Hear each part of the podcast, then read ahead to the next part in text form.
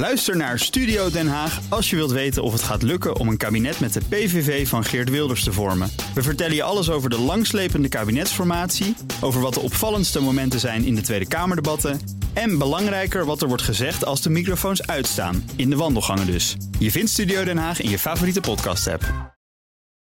DNR Nieuwsradio. Boekenstein en de Wijk. Hugo Reitsma. De staat faalt. Leven de stad.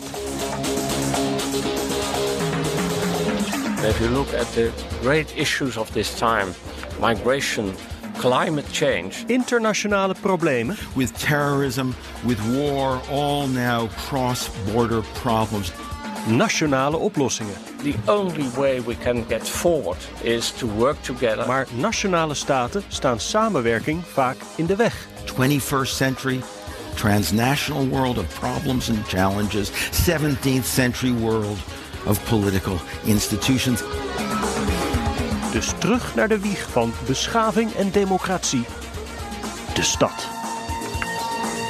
Welkom bij Boekenstein aan de Wijk, op zoek naar de nieuwe wereldorde. Met in de studio Rob de Wijk namens de Randstad. en voorheen Amsterdammer, maar nu woont hij in een of ander gat. Arend Jan Boekenstein. Een gat, de keizer woont er zelfs. Onze gast is burgemeester in Rusten en mede-initiatiefnemer van het Wereldparlement van Burgemeesters, Josias van Aartsen. Welkom. Goedemorgen. Nou ja, vooral burgemeester van Den Haag. Dat telt misschien niet helemaal als stad. Hè? Dan moet ik als kleine nuance erbij zeggen. Maar Ah, nou, een bekend pesterijtje van een Hagenaar. Ja, Het klinkt misschien gek in een buitenlandprogramma om over burgemeesters te praten. Maar hoorde u en de beroemde politicoloog Benjamin Barber in de inleiding toch over Boekenstein en de wijk onderwerpen: klimaat, migratie, terrorisme. Wat kan een stad daarin betekenen dat een staat niet kan? Nou ja, kijk, al die problemen uiteindelijk, of het nou migratie is of CO2 terugbrengen, klimaatvraagstukken, die komen uiteindelijk op een of andere manier ook weer terecht in die steden en grote metropolen in de wereld. En eh, daar zitten soms hele praktische burgemeesters en praktische bestuurders. Maar is het eigenlijk niet zo van... eh Benjamin Barber vindt dus eigenlijk dat de staat dan failliet is. Hè? Maar de nazistaten zijn heel taai, Josuas. Ja, nou kijk, eh, Barbers ideeën zijn uitermate idealistisch. Maar het idee, het basisidee wat erachter zit, dat je eh, als je op een aantal fronten verder wil komen met die mondiale vraagstukken, dat dat heel goed kan en zelfs misschien verstandig is om te doen, om dat te doen met lokale bestuurders en bestuurders van grote metropolen. Er zijn gigantische metropolen in de wereld die allemaal met die mondiale problemen te maken hebben. En kijk, Barber zit heel erg op de Tour de Nazistaat is passé. Nou, dat is natuurlijk eh, heel ver gezocht. Daar heb ik ook eindeloze discussies met hem over gehad. Ik heb hem vijf of zes jaar geleden voor het eerst ontmoet. Hij is overleden, hè? maar hij heeft daar een mooi boek over geschreven. Dus de essentie van dat idee, schakel nou die metropolen en die steden in... Dat is volgens mij een uitstekend idee. Rob, als je met jou een tijdje praat over de grote problemen van onze tijd en de aanpak van staten daarvan, dan eindigt dat meestal in een oorlogsvoorspelling. Ehm, dat heb je met steden natuurlijk niet. Nou ja, kijk, je kan op twee manieren naar steden kijken. Als je naar die hele grote metropolen kijkt en op dit ogenblik leeft. eh, 50, 60 procent van de wereldbevolking in steden. Ja, Zoiets is daar gaan we naartoe. Ja. Eh, dat betekent dus ook dat alle ellende zich concentreert in de steden. Je kunt er hele goede dingen mee doen, waar we het net over hebben gehad. Eh, zeker als steden gaan samenwerken. Maar een hele hoop ellende concentreert zich ook in, eh, in steden. Kijk eens naar Frankrijk. Wat je ziet in die banlieues, in die buitensteden. Waar eigenlijk gewoon de, de stad geen grip meer op heeft. Laat staan de centrale regering. Je, je, je komt er niet meer in. Dus met andere woorden, het lijkt mij een verschrikkelijke balans tussen het goede wat je kunt doen met een, met een stad. Zeker als je ook nog een keer gaat eh, samenwerken met die metro, tussen die metropolen. En de ellende die zich in een stad natuurlijk ook concentreert eh, als die steden gaan groeien. Dat is zeker wel. Eh, maar goed, als ze groeien, zul je met veel meer eh, accent moeten werken aan die problemen die je, die je zojuist eh, noemt. Die zijn dan essentieel om op te lossen in die steden. En die staan dus vlak, vlak dicht bij burgers. En een staat of een Verenigde Naties, laten we, laten we het daar eens over hebben. Prachtige declaraties, prachtige resoluties. Maar het oplossen van die problemen moet vaak in, in een metropool of in een stedelijke context gebeuren. Die daar natuurlijk geld voor nodig hebben, die daar begrip voor nodig hebben van nationale regering. Dat hangt per land ook weer af. Hè. Nederlandse steden zijn heel afhankelijk van de Rijksoverheid. Dat is in allerlei andere steden niet het geval. En dat komt natuurlijk de laatste jaren, laat ik dat ook uh, heel eerlijk uh, zeggen. Er is namelijk een grote uh, belangstelling in de Verenigde Staten ook voor dit idee. En Barber is natuurlijk ook, was, was een Amerikaan. Omdat steden grote problemen hebben met de federale overheid. En sommige steden, en dat zijn er inmiddels wel meer dan honderd, grote bezwaren ook hebben tegen de federale overheid. Tegen en Trump, problemen met de huidige president. Ja. Uh, dus dat, dat zijn een aantal uh, vraagstukken die gewoon samenkomen. Maar dan even om het goed te begrijpen. Ik kan me voorstellen dat er spanning is tussen, tussen steden en de centrale regering. Hè? Dat kan ik me goed voorstellen.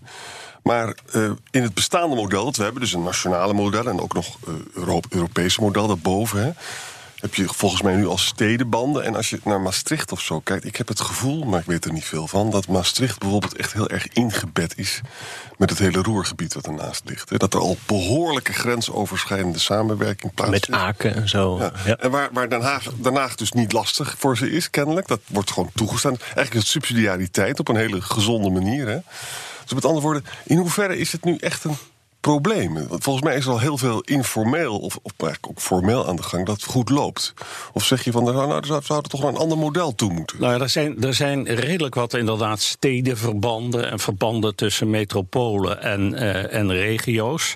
Maar uh, het idee is dus om dat netwerk uit te breiden. En het is echt nog in een embryo's, embryonaal stadium hoor. Ik, ik ga je niet zeggen dat, dat, nou ja, dat het min of meer voor elkaar is.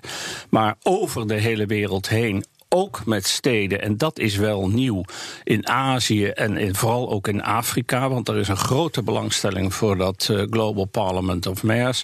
Dat is volgens mij een goed idee. Een belangrijk aspect van de huidige samenwerking tussen uh, nou ja, de leden van die, van die uh, Global Parliament. Is ook dat men een soort virtuele methodiek heeft om met elkaar te communiceren. Of althans communicatie met elkaar op gang te brengen. Elkaar helpen. hoe lost metropool in, in Latijns-Amerika ja. of in Afrika een probleem op. Ja. In hoeverre kan een metropool als Los Angeles of San Francisco daarbij helpen?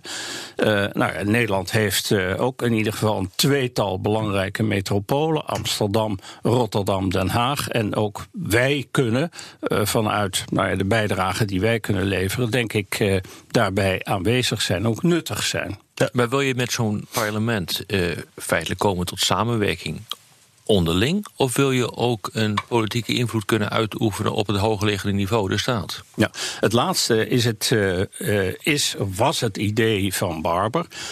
Uh, want Barber wilde een echt parlement. Uh, nou, laten we zeggen, een soort uh, VN op, steden, op stedenniveau. Daar heb ik eindeloze discussies, zoals ik al zei, met Barber over gehad. Niet alleen over de, de rol van steden ten opzichte van nazistaat. Maar ook de vraag: kan je nou echt een parlement van die steden hebben? Hij voorzag echt een, een, een, een samenwerkingsverband waarbij steden uitspraken deden, elkaar ook, ook in de richting van internationale organisaties een belangrijke rol speelden. Hij heeft zelfs gedacht over een reglement. Hij heeft gedacht over gewogen stemmingen, want dat moet je dan natuurlijk ook doen. Wow. En ik heb gezegd, la, laten we daar nou, uh, dat kan er ooit van komen. Maar wees nou alsjeblieft voorzichtig en laten we beginnen met globaal, mondiaal dat stedennetwerk op te bouwen. Maar dat hele idee is waarschijnlijk ook uh, gevoed door zijn idee. Uh, dat de staat minder belangrijk uh, zou worden. Zeker, ja, dat ja. is zo. En dat is uh, ja. feitelijk, denk ik, niet gebeurd. Nee? je ziet zeker nu op dit ogenblik dat de pendule weer terugkomt. Met andere woorden, die staten lijken toch weer sterker te worden. Ja. Onder andere, ja, om, nou ja, dat denk ik wel. Dat heeft onder andere te maken ook met de aard van de uitdaging die we hebben. Een, uh, hartstikke goed dat steden een hele belangrijke rol gaan spelen in, uh, laten we zeggen, het klimaatprobleem. maar het blijft uiteindelijk een internationaal probleem wat je ook op statelijk niveau moet, moet oplossen, om maar eens wat te noemen. Uiteindelijk, als het gaat om terrorisme, wat van buiten komt, dan spelen staten daar een hele belangrijke rol. Nou, zo kan je, datzelfde geldt ook voor criminaliteit die van buiten komen, daar spelen staat een hele belangrijke rol. Dus het is een, het is een wisselwerking tussen die centrale overheid en die Ja. En, en, en die, en die steden, in mijn optiek. En er komt nog eens bij, denk ik, van... eh, kijk, stel je voor dat steden... Stel je voor dat Barber zijn zin zou krijgen... Hè, en hij gaat daar heel ver en hij is heel idealistisch. Stel je voor dat steden gaan samenwerken... en een belangrijke politieke speler worden... die zelfs dus ook de nationale centrum kunnen inkaderen. Nou, dan gebeuren er interessante dingen. Want nazistaten zijn ook opgericht... of als het mechanisme is er ook op gebaseerd... dat er een zekere verevening en herverdeling... tussen de platteland en stad plaatsvindt. hè. Ah, kijk, jij komt op voor het platteland. Ja, Dat is heel nee, goed. maar, nee, maar het platteland denkt, denkt politiek bijvoorbeeld heel anders dan de stad. Hè? Bijvoorbeeld bij het populisme zie het ook heel sterk. Of dat was daar waar, Zwarte Piet. Daar waar geen moslims wonen, zijn mensen heel kritisch op moslims. Dat soort interessante verschijnselen. Hè? Maar dat betekent dus dat stel je voor dat die steden dus een soort koep plegen, dan raakt de nazistaat en ook het hele mobilisatiemechanisme daarachter en de, en de stabiliteit kan in gevaar komen. Dus dat kan leiden tot meer instabiliteit. Ja, ik vind dat een beetje sombere kijk. maar dat zo hoort- wij. hoort- zijn wij. dat hoort bij dit programma. De derde Maar ik begin dan toch maar even aan de andere kant. Maar eh, Rob de Wijk heeft gelijk met zijn verhaal over de wisselwerking. Mijn ervaring, ik ben ook nog een poosje waarnemend commissaris van de Koning in Drenthe geweest. En mijn ervaring is dat we in Nederland af en toe, ik begrijp wel dat we nu heel erg nou ja, ons focussen op wat er aan recente demonstraties is geweest. Maar de tegenstelling stad-platteland wordt vaak ook wat overdreven eh, in dit land, naar mijn oordeel. En je ziet dat, je ziet dat ook wel in andere, andere landen. Dus daar moeten we niet meteen, oh, daar zijn ze anti-moslim en in een stad speelt alleen dat probleem. Dat is een beetje, beetje de stelling eh, van, eh, van- Arend Jan. Nou, dat denk ik niet. Maar het, het, het idee van een wisselwerking en het inschakelen van ideeën die er binnen die metropolen en steden leven. en mede een oplossing zouden kunnen bijdragen, of, eh, kunnen bijdragen aan oplossingen op mondiaal niveau. daar geloof ik wel heel erg in. Nou, neem. Bloomberg heeft een belangrijke rol gespeeld. Hè, dat was de ex-burgemeester New York, thans presidentskandidaat, als ik het goed begrepen heb. In eh, nou ja, de voorbereidingen voor het akkoord van Parijs. En de kop die in, dacht ik nu, vier jaar geleden in Parijs is geweest. Hij heeft toen ook het idee gehad, en dat heeft op zich heel goed gewerkt, voorafgaand aan die grote klimaatconferentie. Om, eh, we waren daar geloof ik met meer dan 110 burgemeesters bijeen, om een beetje druk te zetten op die klimaatconferentie. En dat werkte heel goed. BNR Nieuwsradio. Boekenstein en de Wijk. Op zoek naar de nieuwe wereldorde. Dit is Boekenstein en de Wijk. En dat programma is natuurlijk niet zonder Arend-Jan Boekenstein en Rob de Wijk. Mijn naam is Hugo Reitsma en onze gast is Josias van Aartsen, oud-burgemeester en nog zo wat dingen, minister, fractieleider. En in die laatste functie pleitbezorger van Nederland als New York aan de Noordzee. Dat weet ik nog goed, want u zei dat in de algemene beschouwing en ik schrok wakker, want je hoort daar niet zo vaak. Een interessant idee. Dat is er nog niet van gekomen, hè, meneer van Aartsen? Nee, want ik vertrok op een ogenblik. Daar had er misschien wel iets mee te maken. Een klein beetje.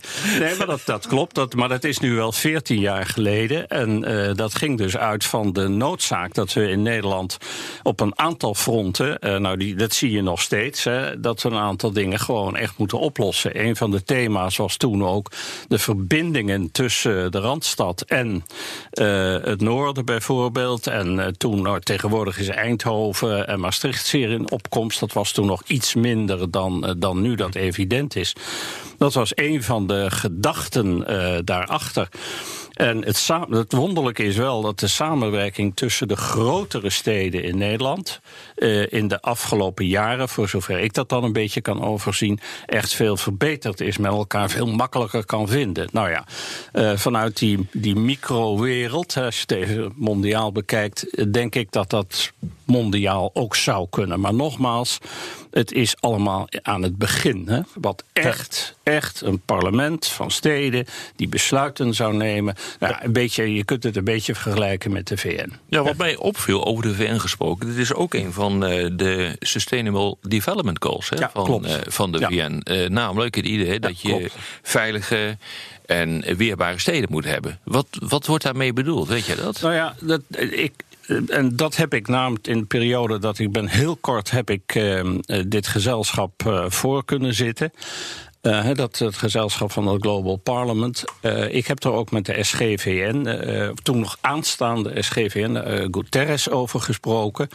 En ik heb tegen hem ook gezegd: je, je, nou ja, goed, met al die grote mondiale vraagstukken, nou, daar waar je dus die steden en die metropolen voor nodig hebt, zou het nou niet denkbaar zijn dat de VN, de secretaris-generaal, op een ogenblik zegt: Ik vraag gewoon aan dat Global Parliament. Ik heb hier een probleem, ik heb klimaat, ik heb infra.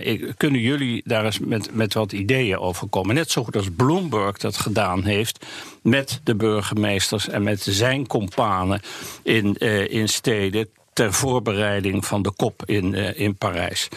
Dus dat, dat, er zijn, ze hebben ook in de laatste conferentie, zag ik in Durban, daar ben ik niet geweest. Uh, daar hebben ze ook afgesproken dat ze nauwer gaan samenwerken met een aantal VN.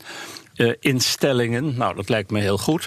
Maar ik denk dat de secretaris-generaal, dat was althans mijn analyse, heel erg belangrijk daarin zou kunnen zijn. Kijk, als hij zou zeggen: Ik zie er eigenlijk niet zoveel in wat die steden doen, allemaal leuk en aardig.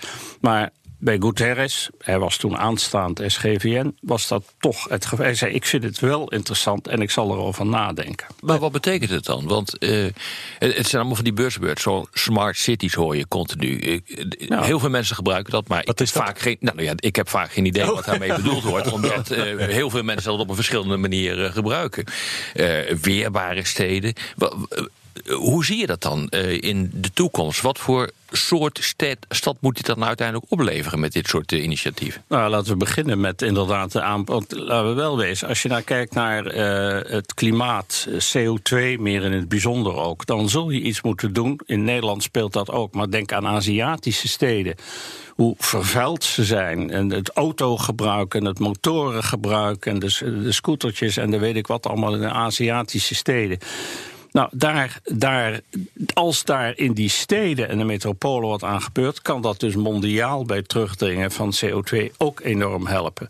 Nou, dat, dat is uh, denk ik, en zo kan je door op gezondheid, idem, wat vooral in Afrika speelt. Hoe kan je nou zorgen dat de gezondheidszorg verbetert? Dat mensen tijdig worden ingeënt tegen mazelen bijvoorbeeld. Het is heel simpel, maar uh, dat steden op dit gebied uh, ambities hebben. Kijk, de VN kan natuurlijk in een fantastische resolutie weer zeggen: uh, nou ja, dit, dit willen we, maar het moet wel gebeuren. En er zit die, die, die stedelijke laag kan ook voor behulpzaam zijn in de wisselwerking, zoals Rob dat ook noemde, tussen nou ja, de grote internationale instellingen, de grote ambities en wat nationale regeringen wat graag willen smart, bevorderen. Wat is dan een smart city in dit? Uh... Oh ja, dat is een heel ingewikkeld. uiteindelijk, Niemand weet het volgens mij. Nee, maar je hebt dat, iedereen vult dat anders in. Ja. Maar tot en met het wat in Nederland nu wel een populair thema is, hè, tot en met de lantaarnpalen die je kunt gebruiken ja. om, nou ja, uh, gedigitaliseerd georganiseerde stad. Zeg ja, maar. Dat, ja, eigenlijk is dat een betere term. Ja. En dat kun je op allerlei manieren uh, invullen. En iedere stad of metropool heeft er weer een ander idee over. Dus overigens een gemeente als Assen, dat weet natuurlijk helemaal niemand, maar is daar vrij voorlijk in. Dat, is, dat, is, ja, dat zeg ik nou maar. Dit hoort u toch ook maar weer bij Boekenstein en de Wijk? Ja, dat is even, even het platteland hier. Ja. Zouden ze zichzelf ook als platteland zien? Nou, de omgeving wel. De omgeving wel, ja. Maar, maar Joshua, als je het nou politiek handen zou willen geven... wat betekent dit nou voor bestaande instituties? Is jouw opvatting, dat hoor ik een beetje van... Uh, nou, we moeten het gewoon pragmatisch doen. Hè? We moeten in de natiestaat blijft gewoon bestaan. Of zou je dit ook op een creatieve manier kunnen inbedden... in bestaande regionale en Europese structuren.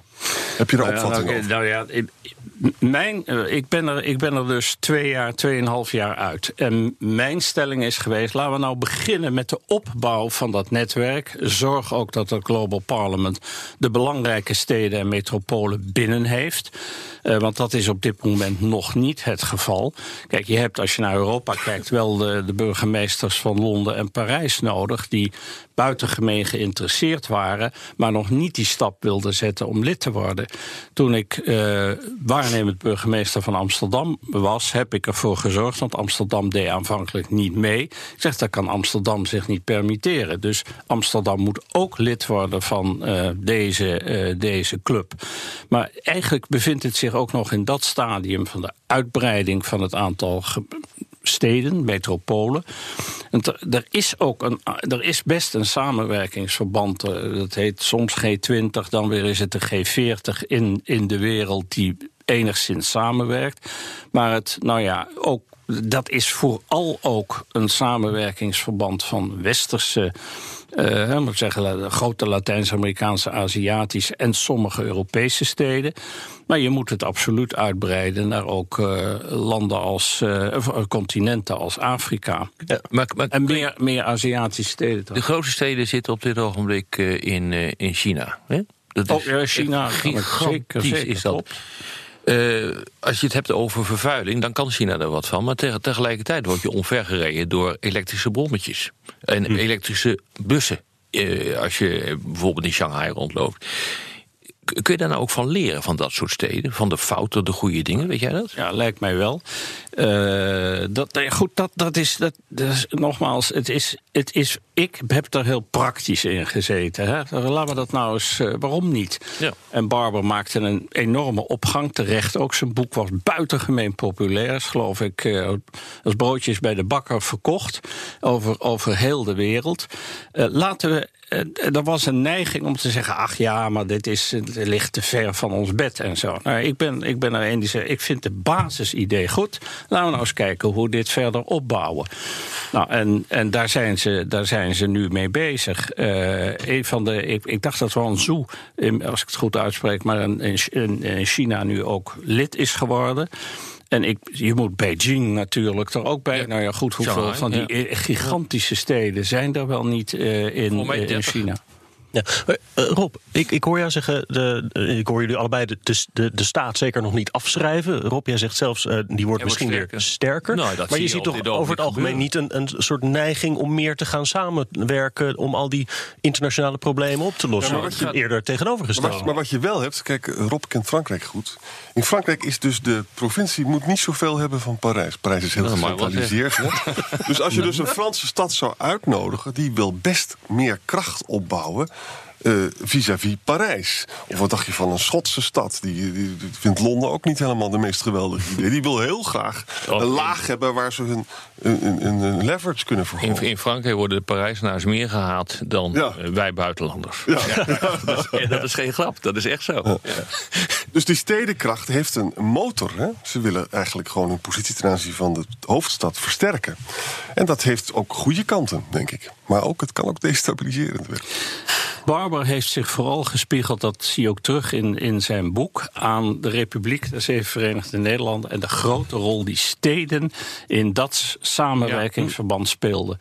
Eh, ik, telke malen als je met hem sprak kwam dat beeld terug. Nederland is toch een voorloper geweest. En, enfin, en daar heeft hij op zich wel gelijk. in, Want Nederland was inderdaad een nou ja, samenwerkingsverband. Niet alleen van die zeven provincies. Maar vooral, die waren weer heel erg afhankelijk van het belang van steden als Middelburg, Amsterdam. eh, een aantal andere steden die een belangrijke rol speelden in, in VOC en WIC. En ehm, nou ja, eh, goed, ik, ik kan niet anders dan benadrukken. Ik denk dat dat samenwerkingsverband belangrijk is. Dat je kunt leren van steden, leden kunnen eh, leren van elkaar. Maar denk niet. Dus een beetje de discussie die ik met Barbara heb gehad. Overmorgen is er een Global Parliament of Mayors. Maar het interessante is, als je dus inderdaad teruggrijpt op die tijd waarin steden in Nederland zo belangrijk waren, dat zijn ze overigens nog steeds. Dan is de volgende vraag: waarom bestaat dat niet meer? En dat heeft natuurlijk gewoon te maken met het feit dat de staat is opgericht omdat hij een aantal functies moet vervullen die de steden afzonderlijk niet kunnen vervullen. Hè? Onder andere bijvoorbeeld het, veil, eh, eh, het, het veilig maken van een heel land. En tegenwoordig wordt veiligheid natuurlijk veel breder geïnterpreteerd eh, dan in die tijd, omdat het alleen maar over fysieke veiligheid eh, ging. Met andere woorden, eh, daar zit gewoon ook een discrepantie Nee, in zo. redenering. Ja. Dat is zo, maar, maar neem nou even, dit, nou ja, neem nou even het veiligheidsvraagstuk. is natuurlijk heel riskant als ik dat ga zeggen. Maar juist, laat ik zeggen, de tien regio-burgemeesters in Nederland... die hebben al jarenlang, ik heb dat gezelschap een aantal jaren mogen voorzitten... aan de nationale overheid gezegd, er komt een groot... Wat nu allemaal, 17.000 agenten gaan eruit. Ja, dat weten we al vijf, zes jaar. Ja. En we hebben vijf, zes jaar lang tegen de nationale overheid gezegd prepareer je daar nu, nu eh, voor? Nou, het is gewoon niet gebeurd. En stel dat steden daar, in Nederland kan dat niet, hè, maar stel dat steden daar meer financiële armslag zelf voor zouden hebben gehad. Denk ik dat die eerder hadden ingegrepen dan nu uiteindelijk de nationale dus dat is een zegen van de nationale politie, feitelijk. Nee, daar ben ik het, ben ik het, zeker, ben ik het zeker mee eens. Maar die nationale politie die kan alleen maar functioneren wanneer die gedragen wordt door die tien regio-burgemeesters. Voor de radio zijn we door de tijd. Op de podcast gaan we nog even door met luisteraarsvragen. Luistert u op de radio, dan verwijs ik naar iTunes, Spotify of bnr.nl.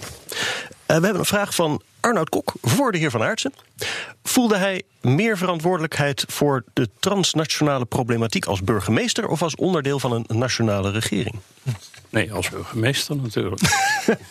Ja, dat moet u nu zeggen natuurlijk. Nee, maar dat, dat was, dat was ook zo. Nou, het is voor mij heel bijzonder geweest dat ik twee grote steden eh, in, in, in Nederland, dat ik daar eh, burgemeester ben geweest, Den Haag en Amsterdam. En eh, ja, ik heb dat werk ook in het kader van Barbers idee ook echt als burgemeester gedaan. En veel met Rotterdam samen ook was dat. eh, Ja, ja, was kijk, dat nou, zo zijn we ooit begonnen.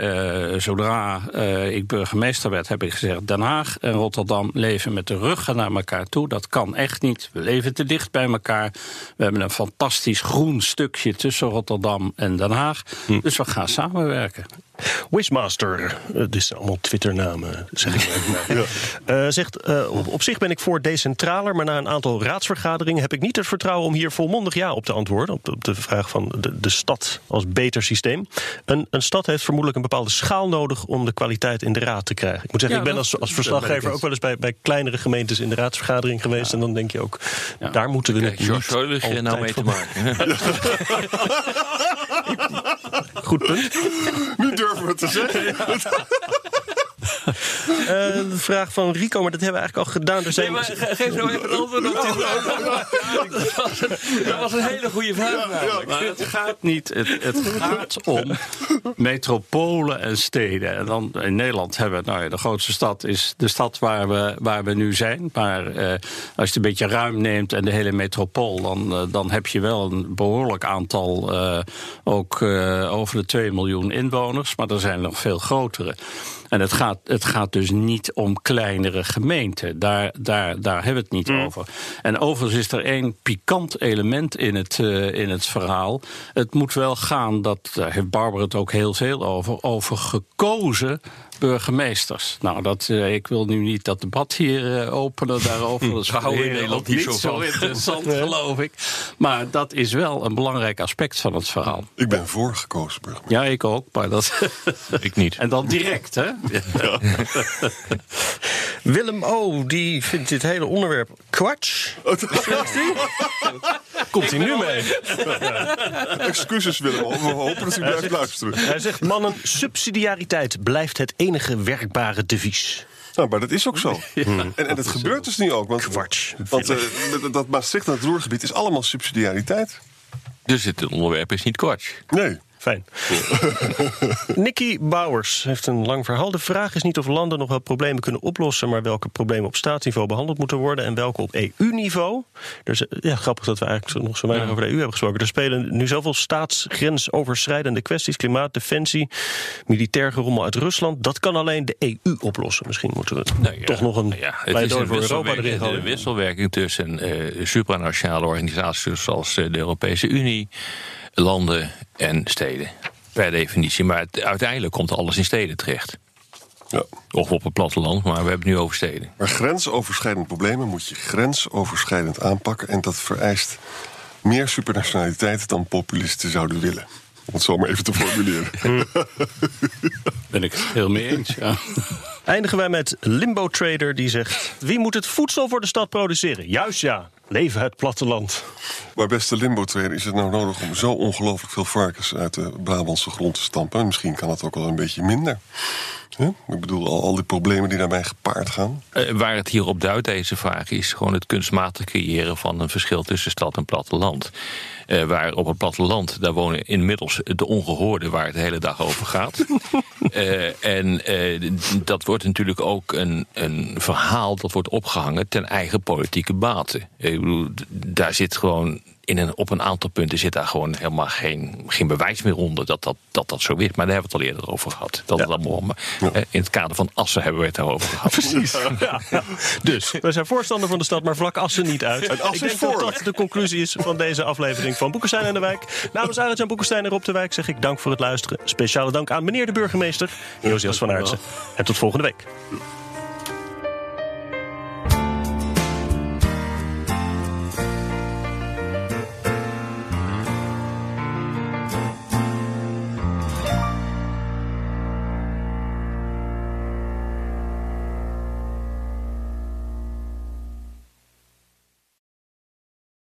Ook Liesbeth Staats vind je in de BNR-app. Ja, heel handig. Luister live naar Kees en mij tijdens de Daily Move. Dan blijf je ook gelijk op de hoogte van breaking news en het laatste zakelijke nieuws. En daar vind je ook alle BNR-podcasts, waaronder de Perestrooikast. Download nu de gratis BNR-app en blijf scherp.